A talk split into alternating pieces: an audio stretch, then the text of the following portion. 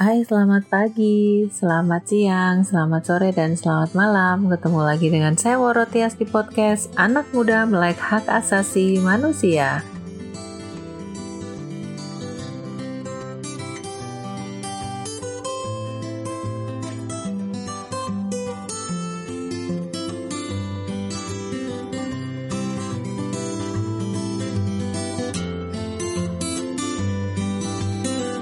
Apa kabar? Semoga baik-baik, sehat, dan tetap bahagia ya. Udah memasuki hari ke-17, tantangan dari thepodcasters.id. Ritmenya udah mulai melambat nih, telat-telat. Terus jam segini, hampir tengah malam baru rekaman. Ya memang harus banyak belajar menyesuaikan dengan kegiatan-kegiatan harian. Teman-teman hari ini tema yang ditetapkan adalah mengenai liburan. Nah, siapa sih yang gak senang liburan? Rasanya semua orang senang banget liburan. Maunya liburan terus, tetapi kantong tetap tebel ya kan? Nah, hari ini saya mau ngobrol soal sebenarnya hak asasi manusia, tapi lebih di breakdown lagi mengenai hak anak.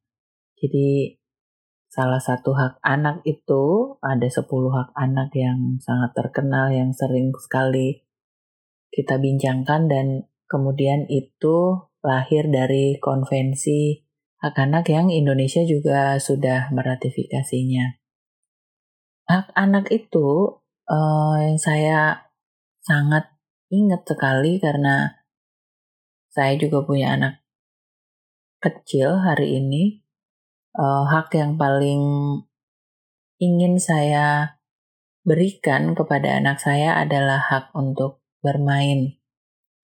Nah, hak anak untuk bermain ini salah satunya saya wujudkan kalau misalnya anak saya terlalu bosan, capek lah belajar gitu, apalagi di masa pandemi gini, sering banget kan belajarnya membosankan, gak ketemu dengan teman-temannya gitu.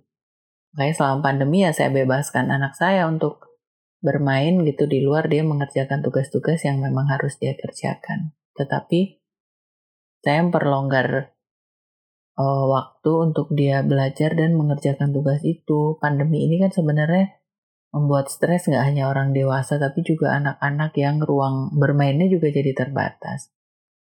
Nah, hak anak yang saya tidak tahu apakah ini menjadi perhatian banyak pegiat anak atau kemudian para orang tua adalah hak untuk berekreasi. Kenapa hak ini penting dan masuk di dalam konvensi hak anak? Karena zaman dulu kan banyak sekali perbudakan yang melibatkan anak-anak.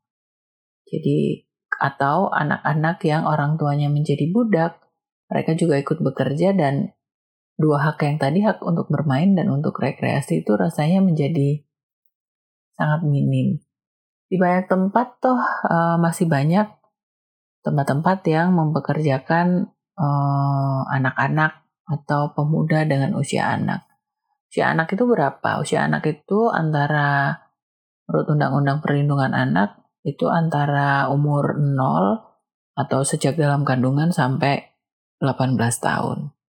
Nah, jadi pada umur-umur begitu sebenarnya anak-anak ini masih menjadi tanggungan dari keluarga dan yang pasti negara ya karena mereka uh, penyelenggara negara ini.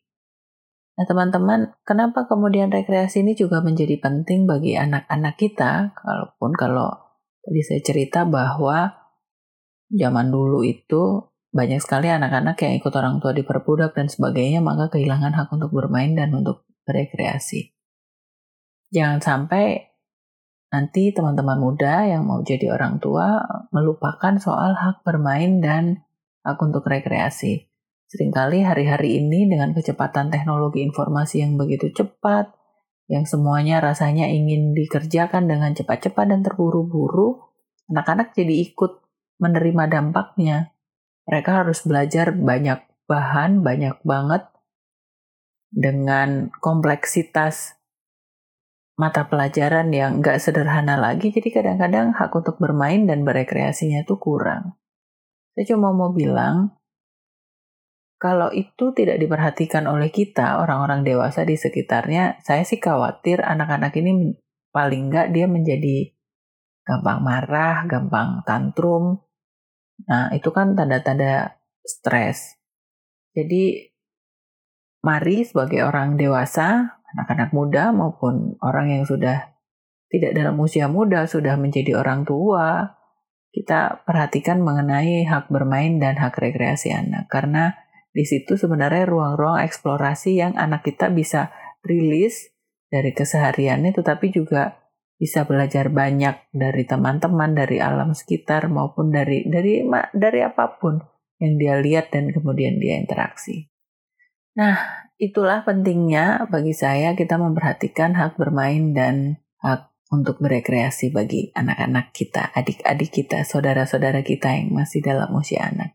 Jangan sampai kita ikut genjot secara kognitif, tapi kemudian anak-anak ini kehilangan sense of humor, kemudian rasa kemanusiaan atau rasa-rasa lain selain kemudian kecerdasan secara kognitif tadi.